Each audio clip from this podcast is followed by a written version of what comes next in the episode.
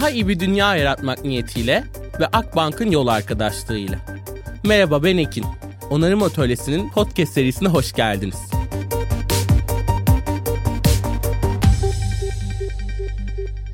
Herkese kocaman bir merhabalar. Onarım Atölyesi Podcast'in yeni bölümüne hoş geldiniz. Aslında bu podcast serisinde onarmanın, daha iyi bir dünya yaratmanın farklı şekillerini ele alıyoruz. Ve jenerasyonlar arasında bir alan tasarımına gidiyoruz. Ve bugün gerçekten çok heyecanlı olduğum bir konuğum var. Birçok noktada ben Cengiz Bey'den çok şey öğrendim ve bugün kendisini bu seride ağırlamaktan, hepimizin açıkçası ufkunu genişleteceğini bilmekten dolayı çok heyecanlıyım. Bugün aslında pek çok kimliğiyle kendisini tanıma şansı bulsam da en genel haliyle Vestel Ventures Yönetim Kurulu üyesi Cengiz Ultav bizimle birlikte. Kendisiyle bilimi, teknolojiyi, dönüşen dünyayı konuşacağız ve gerçekten çok heyecanlıyım. Cengiz Bey hoş geldiniz, iyi ki buradasınız. Hoş bulduk, ben de çok heyecanlıyım. Çünkü gençlerin arasında olmak büyük enerji veriyor. Çok teşekkür ederim. Çok çok teşekkür ederim. Aslında bahsettiğim gibi ben sizden çok farklı alanlarda gerçekten dünyanın nereye gittiğini öğrenme şansı yakalıyorum. Bunun için de çok şanslı hissediyorum ama en temelinde sizce bugün dünya yeni bir döneme gidiyor mu? Konvansiyonel sistemlerden çıkıyor muyuz ve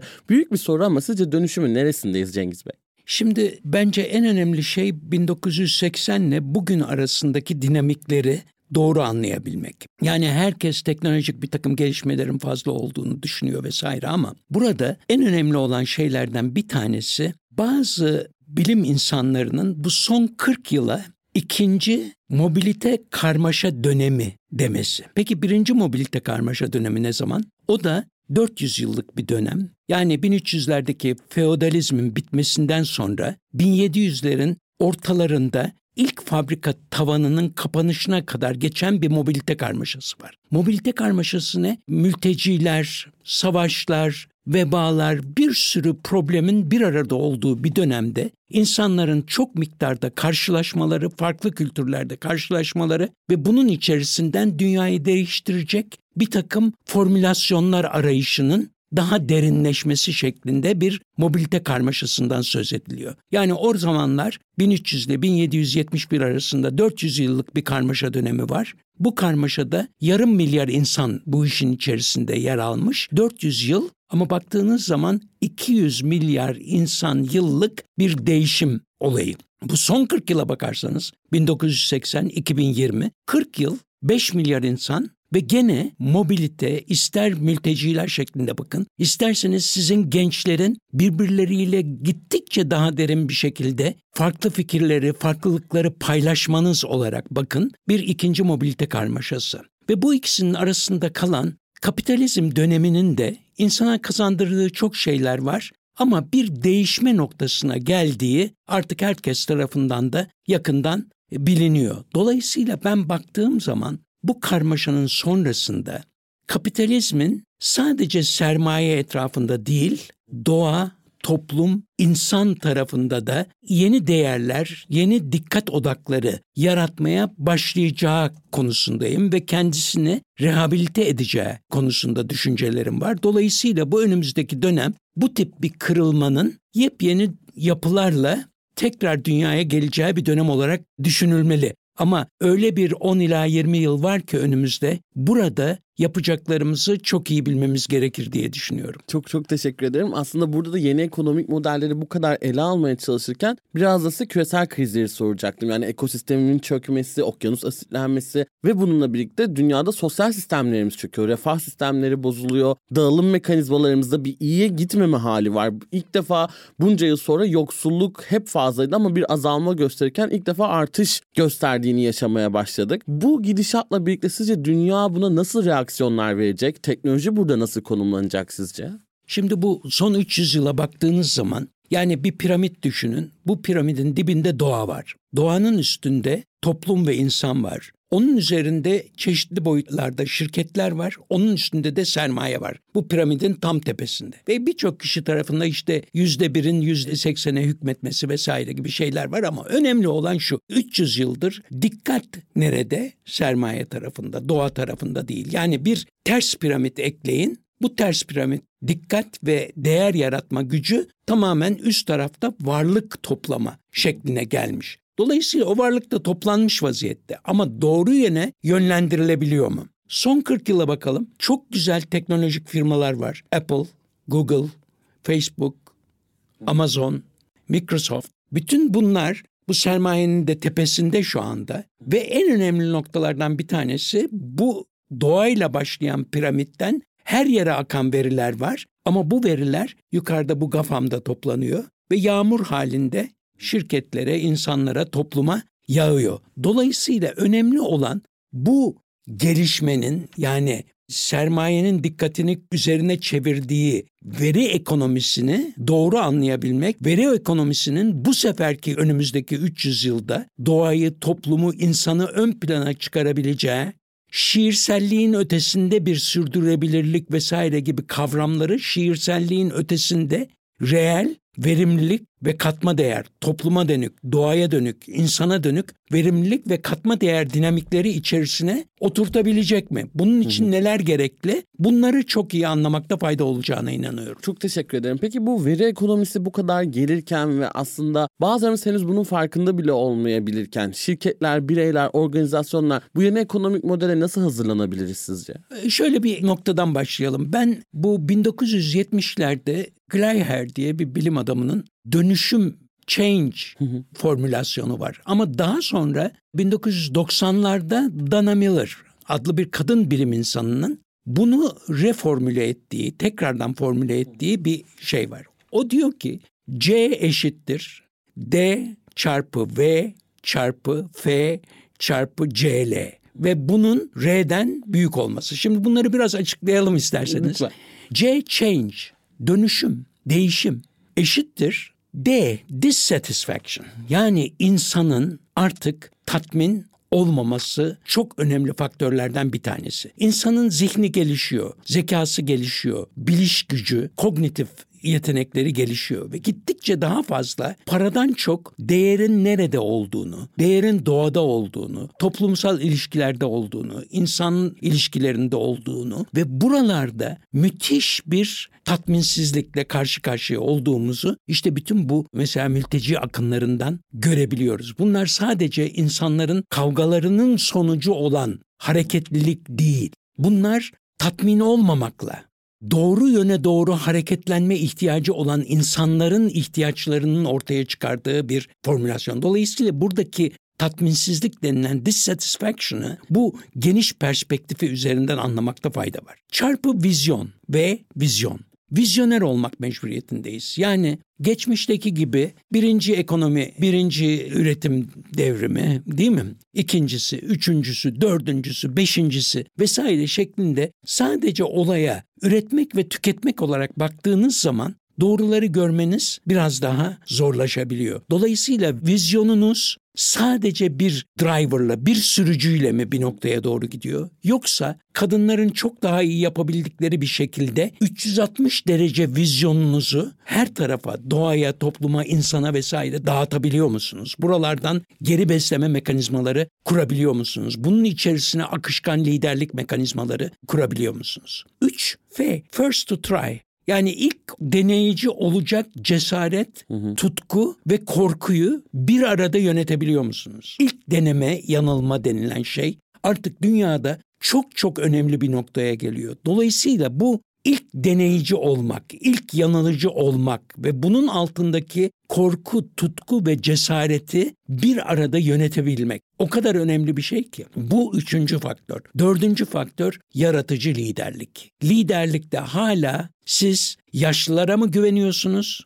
geçmiş dönemin modelleri içerisinde elde edilmiş tecrübeleri onlardan biz alalım ama biz bunun üstüne bir şey kuralım şeklinde ipleri elinize alabiliyor musunuz? Buradaki akışkan liderlik denilen şeyin ne kadar gençlerin sahiplenmesi gereken bir liderlik olduğu ve geçmiş tecrübelerin de bunun içerisine gömüleceğini görebiliyor musunuz? Dolayısıyla bu Dana Miller formülü üzerinden genç arkadaşlar eğer aramalar yaparlarsa o zaman çok güzel bugünkü durumun niçin değişmek mecburiyetinde olduğunu, niçin bu duruma olan rezistansın ki bu biliyorsunuz C eşittir D ve F, C, L büyüktür R. Rezistanstan büyük olması meselesi var. Niçin buna rezistans gösteren yapılardan bu büyüklüğü sağlayabilmeniz ve bunun sayesinde değişimi yönetebilmenizin önemi üzerinde duruluyor. Değişim her zaman kriz dediğimiz enerji boşalmaları veyahut da enerji birikimleri dediğimiz bunların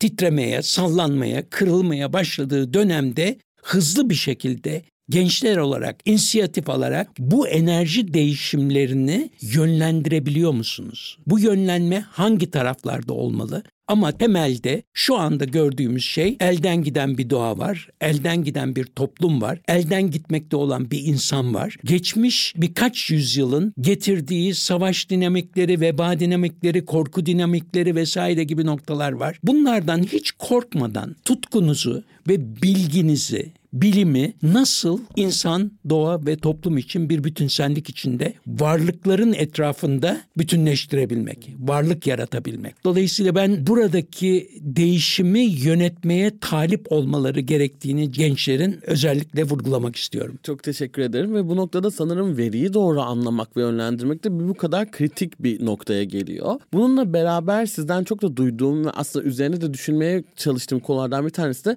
platformlara geçişten sürekli bahsediyoruz. Bugün daha iyi bir dünya yaratmak noktasında bu geçişi, dünyanın içinde bulunduğu bu geçiş dönemini anlama noktasında platformlar neden bizim için önemli? Bizi ne bekliyor sizce? Şimdi bakın burada önce veri ekonomisini anlamaya başlayalım. Bir otomasyon, robotik vesaire dediğimiz terimler çok kullanılmaya başlıyor. Bunun sonucu nedir? İş, emek karşılığı dediğimiz şey klasik anlamda gittikçe eğer bugün bir ekonomik pasta varsa bu pastanın içerisinde işçi olarak tabir ettiğimiz şey tabii bir şekilde azalıyor. İşçi sayısı azalıyor. Son yüzyıla bakın 1900'den 2020'li yıllara kadar bakın. Eğer bir pasta varsa, bir ekonomik pasta varsa ortada bunun çeşitli katmanları var. Bu katmanlarda emekçinin yeri var, sermayedarın yeri var, otomasyonun yeri var, üretimin yeri var, tarımın yeri var. Bütün buralarda otomasyon buradaki insan, para, değer yaratma vesaire şeklindeki ilişkileri şekillendiriyor. Biraz önce de bahsetmeye çalıştım. Peki bugüne geldiğimiz pastada hangi dilimler var? Ufak bir yani işçilik dediğimiz geçmişe dönük, bugün çok farklı olması gereken insanların tamamen temelini yükseltmek, onlara bir işçi gözüyle değil, varlık yaratan varlığın parçası, bütün bu deneme yanılmaların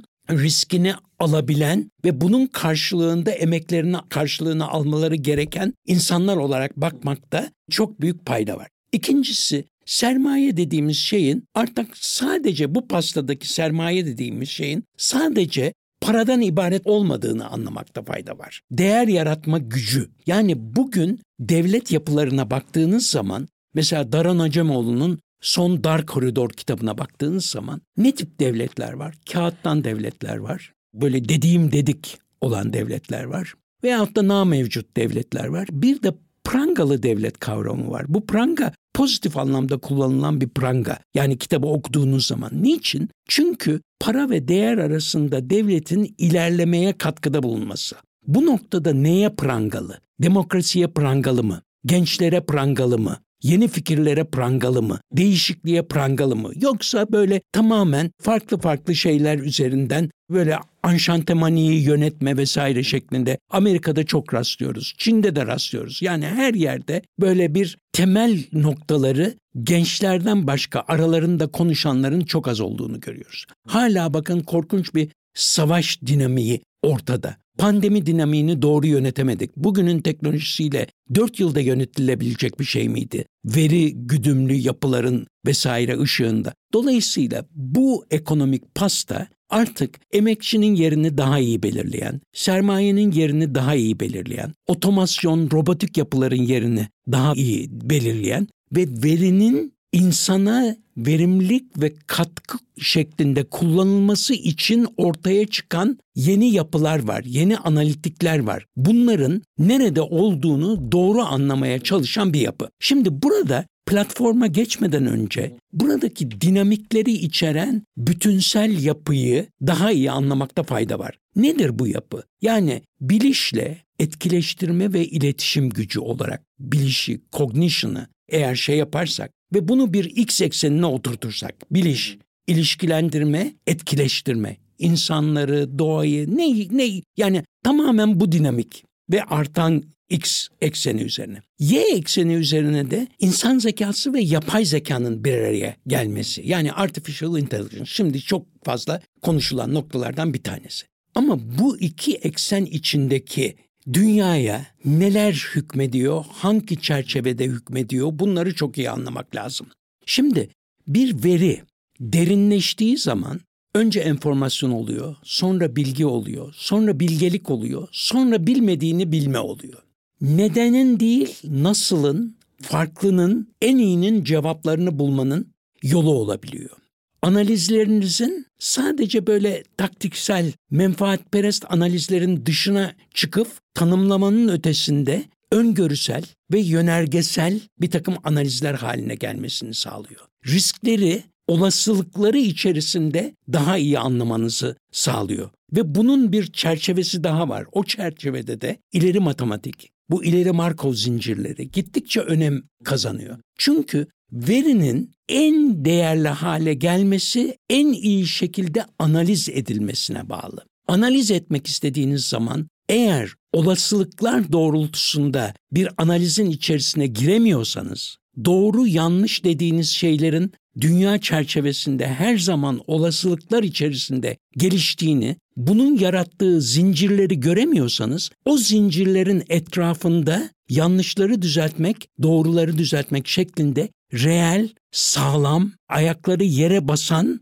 bir takım çözümleri üretmek mümkün değil. Olasılık sizi alıp götürebilecek noktada 8 milyar insan var. Gittikçe dünyamızın dışındaki kuvvetlerin, göçlerin, her şeyin farkına varmaya başlıyoruz ve bunun içerisinde ayakları yere basan çözümleri nasıl bulmamız gerekir dediğiniz zaman işte bu veri dünyası, veri dünyasının geçmişi, geçmişteki olasılıklar nasıl reel dünyaya yansımış, burada oluşan bir takım zincirler var mı? Bu zincirlerin içerisindeki analizleri nasıl doğru yapabiliriz ve yeni dünyamızı yeniden nasıl şekillendirebiliriz? Şimdi bu çerçeveyi iyi görebildikten sonra önemli yapılması gereken şeylerden bir tanesi artık eskisi gibi yani nasıl söyleyeyim size büyük kulelerden size anlatılan şeyler bugüne kadar doğruydu belki. Ama şimdi kulenin tepesinde Trump'ı gördüğünüz zaman veyahut da kulenin tepesinde ne bileyim böyle Tahran'dan verilen bir takım vaazları vesaire gördüğünüz zaman bunların geçmişte belki değerlerle ilişkisi olabilir. Ama yeni değerler zinciriyle bunları biliştirmek istediğiniz zaman sizin gücün böyle kulelere tırmanan gücün yerine akışkan ve dalga şeklinde yayılabilen, yanındakiyle gücü paylaşabilen, onun bir dalga haline gelmesini sağlayabilen, onun dalga neticesinin bir etki, impact haline gelmesini sağlayabilen mekanizmaları öğretim sisteminin, eğitim sisteminin, seçim sisteminin, belediye sisteminin vesaire hepsinin içine gömmek gerekir. Bu gömeceğimiz yapıların yani dalga şeklindeki gücün veriden dalgaya, dalgadan insana, doğaya, topluma dokunan bir enerji aktarma yapısına dönüşmesini de istiyorsanız sizin platform haline kendinizi getirmeniz lazım. Şimdi platformun esprisi nedir? Platformun bir altı var, bir üstü var. Platformun altına veraset yapılarınızı bağlamanız lazım. Çünkü veraseten gelen sistemlerden bir gün içerisinde vazgeçmek vesaire gibi bir şey mümkün değil. Dolayısıyla bugüne kadar bir pazarlama sisteminiz mi var? Bir insan kaynakları sisteminiz mi var? Bir dostluk sisteminiz mi var? Ne yapmak istiyorsunuz? Yani bir sistem kurmuşsunuz ve bugüne kadar gelmiş. Bunu böyle bir kılıçla yok etmek mümkün değil. Ama bunları bir platformun altına monte edip üzerlerine de günü geldiğinde içini boşaltma musluklarını bugünden koyabilmek. Yani eskisi gibi pazarlama yapamıyorsunuz. E-ticaret geldi. Yani bir bayi sistemi vesaire farklı sistemler. Reel dünyadan bahsediyorum. Dolayısıyla bunları değiştirmek için bugünden bütün bayilik ağınızı yok mu edeceksiniz? Bütün oradaki insanları, oradan para kazananları, oradaki dağıtımcıları yok mu edeceksiniz? Yoksa bir günü geldiğinde boşaltma anahtarını bugünden koyup oradaki insanları platformun üstüne doğru migrate ettirebilecek misiniz? Yani oradaki işçileri, oradaki çalışanları, oradaki beyaz yakalıları bu platformun üst tarafındaki dinamiklere monte edecek bir değişim düzeni kurabilecek misiniz? Dolayısıyla birincisi platform sistemler dediğimiz zaman bunda burada da bunu ben kendim yarattım değil. Gartner grubun composability kavramı üzerinden eğer arkadaşlar bu kelime üzerinden Stanford'daki paperlar, MIT'deki paperlar, Türkiye'deki ODTÜ'nün, İTÜ'nün, Boğaziçi'nin paperları vesaire buralara baktıkları zaman görecekler ki platform yaratmak istediğiniz zaman veraset sistemleri nasıl bir transformasyon içerisine sokacaksınız, üzerine boşaltma muslukları koyacaksınız, nasıl buradaki varlık insandan başlamak üzere, doğadan başlamak üzere bu varlıklar platformun üstüne nasıl taşınabilir? Şimdi platformun üstüne gelelim. Üstüne geldiğimiz zaman dünyadaki her şeyin artık servis yapılarına geçmekte olduğunu görüyorsunuz. Bu servis yapıları yaratıcı gençlerin kafalarında şekilleniyor ve her gün arı kovanı dediğimiz yapıların nasıl manipüle edilmesinden tutun da e-ticaretin nasıl yapılması gerektiğine kadar her yerde gençler farklı bir takım şeyleri yapabileceklerini, bir bütünsellik içerisinde bunu yapabileceklerini, bunun bir hizmet şekline çevrilebileceğini çok çok iyi görüyorlar. Dolayısıyla önemli olan ne? Bizim geçmişteki sermaye dediğimiz ve bugün platformların nispeten sahibi olabilen yapıların gençlerin bu fikirlerini platformun üzerinde kucaklayabilmeleri. Yani venture yapıları, girişim yapıları bunların hızlı bir şekilde büyük şirketlere monte edilebilir, çıkabilir. Çıktığından sonra da geleceğin büyük şirketi olabilir bir dinamizmi veri güdümlü veri objeleri etrafında nasıl şekillendirebiliriz? Şimdi bakın bu veri güdümlü veri objesi dediğimiz kavram o kadar önemli ki. Şu mikrofon bir veri güdümlü veri objesi. Önündeki kompütür de öyle ama belki bu cam bardak da aynı şekilde bir veri güdümlü veri objesi olabilir. Ama önemli olan daha verimli olmak. Yani doğayı koruyarak, toplumu ön planda tutarak, insan dediğimiz şeyin ne kadar değerli olduğunu ön plana alarak o zaman robotlardan falan hiç korkmaya gerek yok. Yani burada bu veri güdümlü veri objeleri bilmediğini bilen insanlar tarafından yönetilirse müthiş şeyler olacak. Bilmediğini bilen noktasına her insanın gelmesi lazım. Çünkü diğer tarafları veri, bilgi, bilgelik artificial intelligence tarafında robotlar tarafından önümüzdeki 20 yıl içerisinde mutlaka ve mutlaka bir şekilde kapsanabilir. Ama veri güdümlü veri objesi dediğimiz şeyler bilmediğini bilen insanların gözleme altına girerse burada yaratılacak olan yepyeni verimlilikler var. Bunun adı da yeni veri ekonomisi. Daha iyi bir dünya yaratmak niyetiyle ve Akbank'ın yol arkadaşlığıyla onarım atölyesine kaldığımız yerden devam ediyoruz. çok teşekkür ederim. Çok çok çok ilham aldığım bir konuydu aslında. Burada merak ettiğim çok da özel bir, bir sorum var aslında. Peki bu yeni veri ekonomisini yaratırken bu masada sadece teknolojistlere mi yer var yoksa sosyal bilimciler, tasarımcılar hep birlikte mi olacağız? Her şey. Şimdi bakın ben biraz ayakları yere bastırmak için mesela bu dönemde 10 yıl içerisinde yapılması gereken şeyleri 3 noktada toplamak mümkün. Yani şu önümüze bugünden sonra yarın sokağa çıktığınız andan itibaren bu dünya için yapılması gereken ne dediğimiz zaman eğer üç noktaya konsantre olabiliyorsak ki bu üç nokta bir sürdürülebilirlik, iki akıllandırma, üç sürtünmesizlik. Şimdi bakın yani bu üçünü bir arada yapabilmek. Niçin üçgen diyorum? Çünkü bunlar birbirine bağlı. Üçü de birbirine bağlı. Bunları bir arada yapabilmek için de gene reel dünyada neler yapmanız lazım? Sürdürülebilirlik demek doğayı, toplumu, insanı bir arada tutarak bir arada korumak demek. Ama bunun içinde şu anda yapılabilecek olan bu sürdürülebilirliğin de bir üçgeni var. Yani bugün, bugünden itibaren büyük bir verimlilikle sahiplenebileceğiniz şeyler neler? Sürdürülebilirlik kavramı içerisinde. Bir, ileri malzemeler. Yani yeni bilimin ışığında ileri malzemelerden neyi kastediyoruz? Yani böyle kuantum kelimesini kullanmak falan o kadar önemli olabilir. Çünkü orada da bir takım şeyler var, örneklerini vereceğim. Ama biyosentetikler. Yani şimdi siz arabayla giderken yanınızda bin kilo taşıyorsunuz. 1000 kilo 100 metre gittiği zaman harcadığınız enerji belli. Bu enerjiyi nereden alıyorsunuz? Bu enerjiyi milyonlarca yıldır dünyaya gömülen güneş enerjisinden alıyorsunuz. Gömülmüş ama gömülü tarafta kullanıyorsunuz. Ne kullanıyorsunuz? Jeotermal enerjinin üst katmanı. Biraz daha az derinlikte petrol, biraz daha az derinlikte lityum, biraz daha az derinlikte ama okyanusların içerisinde ne var? Tuz var. Tuza gömülü olan enerji var. Suya gömülü olan enerji var. Oradan birdenbire atlama yapıyorsunuz. Hidrojene gömülü enerji var ve burada gittikçe dünyayı yok etmeyen yani doğrudan doğruya uzayda da boşlukta da birim, birikmiş olan enerjiye ulaşıyorsunuz. Kuantum vesaire gibi lafları kullanırken bu dinamiğe dikkat edin. Bugüne kadar dünyayı soyduk ama bundan sonra yani boşluk bilimi 2012'deki Higgs bozonunun keşfinden itibaren boşluk bilimi çok iyi anlaşılır vaziyete geldi. Hidrojen enerjisi, Toyota, arkasından Honda. İkisi de yepyeni hidrojen enerjisi formülasyonları içerisinde Elon Musk tuz pilleriyle uğraşıyor. Elon Musk'a yakında hidrojene geçecek. Yani orada en küçük bir şey yok. Ama önemli olan ne? Artık elinizde kuantum fiziğinin size verdiği, bozon yapılarının, çekirdeğin böyle dışına hafif taşan kuvvetleri kullanabilme aşamasına geldiğimiz şeyler var. Ben Stanford'dan iki tane Türk öğrencide gördüğüm projeyi size söyleyeyim. Bir malzeme yapmışlar.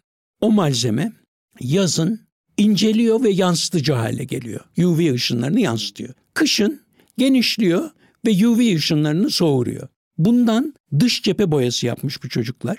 Yani tamamen 2012'den sonra keşfedilen boşluk bilimini kullanarak dış cephe boyası yapmışlar ve bu dış cephe boyası dediğim gibi yazın ve kışın bu biraz önce bahsettiğim sebeplerden artı eksi minimum 5 derece, 7-8 dereceye kadar çıkan sıcaklık farkları yaratabiliyor. Ama aynı anda Erciyes Üniversitesi'nde gene bir genç topluluk bu sefer Türkiye'deki cam kırıklarını topluyorlar. Onları toz haline getiriyorlar böyle milimetrik büyüklükte. Fakat öyle bir kimyasal geliştirmişler ki bu kimyasalla o milimetrik cam tozlarını patlatıp içleri boşluk olan malzeme haline getiriyorlar ve boya haline getiriyorlar. Gene bir izolasyon yaratan, bir e, enerji verimliliği yakalayan noktaya getiriyorlar. Yani bu sürdürülebilirlik üçgeninin üç köşesinde bu iler malzemeler var, enerji verimliliği var, paylaşım ekonomisi var. Paylaşım ekonomisini öğrenmek mecburiyetindeyiz. Paylaşım ekonomisinin her adımda, sadece yollarda değil, her adımda bir parçası olması lazım. Paylaşım ekonomisi enerji verimliliğine, enerji verimliliğine ileri malzemelerin biraz önce gösterdiğim örnekler çerçevesinde birbirini desteklemesi lazım. Türkiye'de mesela zeytin çekirdeğinin içindeki antibakteriyel malzemeden antibakteriyel polimerler yapan insanlar var. Yani bunları yeni nano kıkırdakların hiç kana karışmadan kullanılabilmesini sağlayan gençler var. Bunlar hep deep tech çözümler ve sürdürülebilirliğin ana komponentleri içerisinde olan çözümler. Ama hem ileri malzeme hem enerji verimliliği hem de paylaşım ömrü. Hepsi net. Hiçbiri böyle uçuş değil. Hepsi yarın sokağa çıkıp yapılabilmesi gereken şeyler. Akıllandırma, büyük veri, büyük veriyi doğru anlayabilmek. Tasarım çeşitliliği. Tasarım dediğimiz şeyin artık bir fakültenin kafasından çıkan şey değil, tek tek insanlara dokunan çeşitlilikte tasarımlar nasıl sokakta yapılabilir? Sokakta tasarım insanlara dokunmayı ön plana alarak, çeşitlendirmeyi ön plana alarak nasıl bu işlerin bir parçası haline getirilebilir? Paylaşım ekonomisi niçin önemlidir? Niçin evimizin önünde hele bu 2000 kilo taşıdığımız bir arabanın, bir kişinin içine binip 2000 kilo kilometrelerce taşıdığı arabanın bir de üstüne üstelik 10 saat 20 saat boş boş durmasının çözümünün içinde aldığı bu paylaşım ekonomisi ve onun bizim bu akıllandırma yapılarına bağlanan algoritmik yapıları niçin önemlidir? Bir sonuncu söyleyeceğim de sürtünmesizlik, sürtünmesizlik, sürtünmesizlik. İnsanlar arasındaki sürtünmenin, toplumlar arasındaki sürtünmenin, ırklar arasındaki sürtünmenin, cinsler arasındaki sürtünmenin, farklılıklar arasındaki sürtünmenin, coğrafi sürtünmenin tamamen ve tamamen ortadan kaldırılması lazım. Ben bir Türk çocuklarının yaptığı yeni sürtünmesiz ve global işle ilgili öğrendiğim bir şeyi sizinle paylaşmak istiyorum. Genç Türk çocuklar bu batarya konusu önemli bir konu. İşte tuz bataryalar vesaire onlar da önemli ama bataryada en önemli şeylerden bir tanesi bataryanın kullanılacağı ortama adaptasyonu, homologasyonu. Yani siz bir kamyon, dizel kamyon konvoyunun şehrin içinden bir elektrikli lokomotif kamyonla gece çekilip götürülmesini bir enerji verimliliği tablosu içerisinde değerlendiriyorsanız buradaki batarya farklı. Sizin şu cep telefonunuzdaki batarya farklı. Bunların temeli aynı. Tuz batarya olursa çok iyi, hidrojen olursa daha da iyi ama şu anda hepsi lityum. Şimdi bu arkadaşlar bu konuyu dünya çapında yapar hale geliyorlar. Tuzla'da fabrikaları var. Ama şirketi Almanya'da kurmuşlar. Alman ortakları yok galiba. Tamamen Türk ortaklar ama Almanya'nın problemlerinin daha erken dönemde finanse edileceği üzerinden düşünürlerken birdenbire karşılarına Çin çıkıyor. Çünkü Çin artık bu fiziksel ipek yolları ile ümidini kesmiş vaziyette. Ne Pakistan üzerinden, ne Afganistan üzerinden, ne Ukrayna üzerinden bir ipek yolunun devamını sağlamak gibi 10 yıl önce sahip oldukları fikirler yok. Peki şimdi bu Amerika üzerinde bir takım balonlar düşürüldü biliyorsunuz Çin balonları. Onlar yeni rüzgar yolları ve iklim hareketlerini daha iyi anlamak üzerine. Çünkü Çinliler yaklaşık bir 3 ay içinde ilk yeni lojistik yapısı içerisinde zeplinleri denemeye başlıyorlar. 200 metreye 70 metrelik zeplinler bunlar. Bu zeplinlerin üzeri güneş pilleriyle dolu. 250 ton taşıyorlar. Çok fazla değil ama neredeyse bir 7-8 trak karşılık gelen bir şey. İçinde bataryaları var, bir elektrik motoru var. İnsansız. Güneş varsa gidiyor, depolamışsa gidiyor, pervaneyi döndürmesi gerekirse gidiyor, rüzgar varsa gidiyor, gitmediği yerde de dünyanın üzerinde bir noktaya konuyor, bekliyor. Bu bir lojistik devrim ve ilk defa önümüzdeki 3 ay içerisinde Kenya ve Gana arasında denemeye başlıyorlar. Ve buradaki bataryayı differentiate eden kişiler Türkiye Tuzla'da genç arkadaşlar. Onun içinde yani bu değişen dünyanın içerisinde yer almak için çok doğru bir vakitti. Teşekkür ederim. Ya, inanılmaz da heyecanla ve hayranlıkla dinliyorum aslında sizi. Bu noktada biraz daha hani dinleyenlerle birlikte şu soru da benim aklımda dolaşıyor. Kaygılanmalı mıyız sizce? Yani bu yeni dünya yaratılırken bunun içinde olamamaktan, bunun manipülasyonun altında kalmaktan veya bunun bir parçası olamaktan, bunu adapte olamamaktan kaygılanmalı mıyız? Şimdi bakın size küçücük bir örnek vermek istiyorum. Güzel bir örnek ama tarihi bir örnek. Stalin'in veri bilimcisi var biliyor musunuz? 1920'ler, yıl 1920. Stalin'in veri bilimcisi bir grubu var. Başında da Kondratiev diye bir bilim adamı var. Veri bilimcisi. 1920. Biz şimdi sanıyoruz ki veri bilimi bugün önem kazanıyor. 1920'de Kondratiev geçmiş 150 yılı çok iyi araştırmış olan bir insan. Ve Stalin'e gidiyor diyor ki Sayın Başkan diyor yani ben bu 150 yılı araştırdım. Bu 150 yılda 50 yıllık cycle'lar var. Bu 50 yıllık cycle'larda 25 yıl ekonomi yükseliyor, 25 yıl düşüşe geçiyor. 25 yıl yükseliyor, 25 yıl düşüşe geçiyor. Bu diyor kapitalizm sistemi bir 150 yıl daha devam edecek. Maalesef hapse attırılıyor. Hapiste de ölüyor adamcağız. Onun için Kondratiev cycle'ları var. Ben gençlere şunu söylüyorum. Her zaman bir Kondratiev cycle'ı içerisindeyiz. Bu cycle'lar şöyle tarif ediliyor. İlk 25 yıllık çıkışı teknoloji, iş modelleri, iş yapma şekilleriyle şekil alıyor. Sonra bir veba, bir resesyon ve bir savaşla bitiyor. Yani mesela ilk zamanlarına giderseniz 1770'ler, 1800'ler 50 yıllık dönemler var. Ne bileyim ilk istimbot, ilk makine yapan makine. Ondan sonra bir veba salgını. Ondan sonra bir Amerika ekonomi krizi. ilk yani İngilizlerin Amerika'sının ekonomik krizi. Arkasından demir yolları. Demir yollarının etrafında bir yükseliş. Ondan sonra 20 yıllık gene bir savaş, bir resesyonla düşüş. Daha sonra telgraf, telefon vesaireyle yükseliş, düşüş, yükseliş, düşüş. Şimdi bugün de böyle bir 50 yıllık dönemin içindeyiz. Dolayısıyla bu hiç kimseyi korkutmamalı. Buradaki teknolojinin sahibi olursanız hem bugünkü yükselişin hem bundan 25 yıl sonraki yükselişin sahibi olabilirsiniz ve sizin gençliğinizin ileri dönemleri, daha olgun dönemlerine çok daha iyi bir şekilde e, sağlamlaştırılmış. Yani krizlerle sağlamlaşmış ve gelecek dönemin teknolojileriyle de daha güçlenmiş, donanım sahibi olmuş bir şekilde. Bu klasik cycle'lardan bir kere hiçbir zaman endişe etmeyin.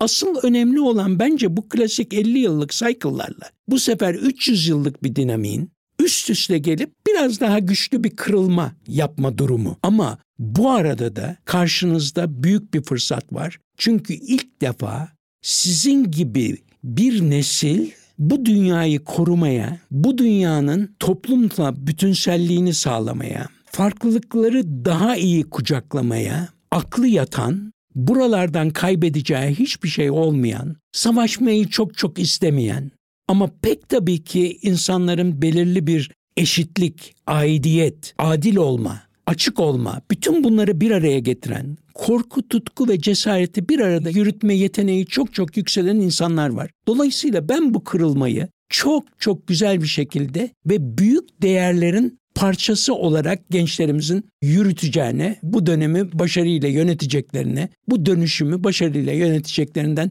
en küçük bir şüphem yok. Çok teşekkür ederim. Bu bana da çok umut verdi aslında. Ve son olarak izninizle çok küçük bir konuya da sizinle Hı-hı. girmek istiyorum. Bu meseleler konuştuğumuzda sanki en yeni teknolojileri kullanan, en akıllı, en yeni genç ve girişimcilerin meselesiymiş gibi mi algılamalıyız? Yoksa bu kadar Kobi'nin olduğu bir ülkede, bu kadar aslında küçük orta ölçekli işletmenin olduğu dönemde bu tüm kobilerin de bir meselesi bu dönüşüm.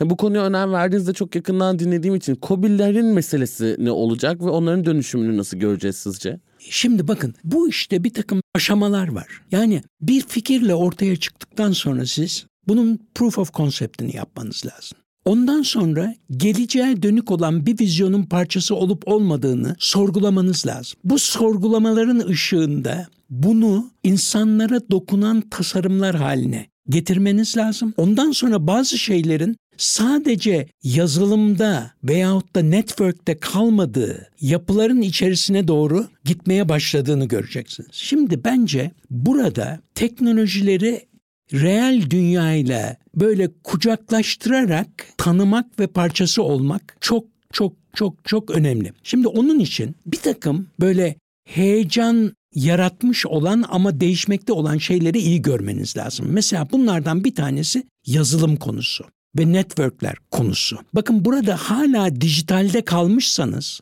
cloud'da kalmışsanız şöyle kendinize güzel bir tokat atıp bu iş burada kaldı mı devam ediyor mu? Yani Ambient computing denilen şey ne? Güneşin girdiği gibi her yere hesaplamalı bilimlerin, olasılıksal birimlerin girebilmesi ve size çok büyük kompütürler, cloud'a gömülmüş yani kutuplara gömülmüş yapıların onların pahalılığının ötesinde size hızla hizmet verebilecek, platformlara gün be gün adapte olmanızı sağlayabilecek toolsetler, no code yazılımlar, ambient computing, bütün buralardaki yapıları teknolojinin ucunda olmaktan korkmadan ama bir geriye bakarak bir ileriye bakarak, bir geriye bakarak bir ileriye bakarak, bir geriye bakıp bir ileriye bakarak. Bu en son teknolojinin doğanın etrafında, insanın etrafında, sürtünmesizliğin etrafında, sürdürülebilirliğin etrafında, akıllandırmanın etrafındaki projelerle birleştirilmesi, hızlı proof of concept'ler yapabilmek, kavram sağlamaları yapabilmek, hızlı deneme yanılmalar yapabilmek, kobilerle, büyük şirketlerle bir araya gelerek de impact yaratabilmek, etki yaratabilmek. Yani Ford'un zamanında yaptığını, Apple'ın başındaki o müthiş insanın zamanında yapabildiğini kusura bakmayın yaşlılık yetmiş bazen isimlerde insan zorlanıyor tabii ki yani ama bu insanların yaptığı o teknolojinin ucuyla reel dünyanın ama doğru idealler peşinde bir noktaya gelebilmesini sağlamaktır diyorum. İnanılmaz bir sohbetti benim için ve her konumu en sonunda ortak bir sorun var Cengiz Bey. Siz gelecekten umutlu musunuz? Kesinlikle çok umutluyum. Sizler için çok umutluyum. Kendi kızım için çok umutluyum. Ve sizlerin çok çok güzel bir dünya yaratacağınız konusunda en küçük bir şüphem yok. Dünyanın her tarafında da birbirinizle birbirinize dokunarak bu farklılıkların dünyayı daha güzel bir bütünselliğe ulaştırması için nasıl pozitif kullanılır. Negatif değil, pozitif kullanılır. Onun farkında olmak kadar güzel bir şey yok. Çok teşekkür ederim Cengiz Bey. Korku, tutku ve cesaretin olduğu yerde yeniden bir araya gelmek üzere. Aynen. Çok teşekkür ederim. Çok çok teşekkür ediyorum bu fırsatı verdiğiniz için. Ben çok çok, çok, teşekkür teşekkürler. ediyorum. Sağ çok olun. sağ olun. Sağ olun. Bir sonraki bölümde görüşmek üzere. Daha iyi bir dünya yaratmak niyetiyle ve Akbank'ın yol arkadaşlığıyla iyilik ve dostlukla. Bir sonraki bölümde görüşmek üzere.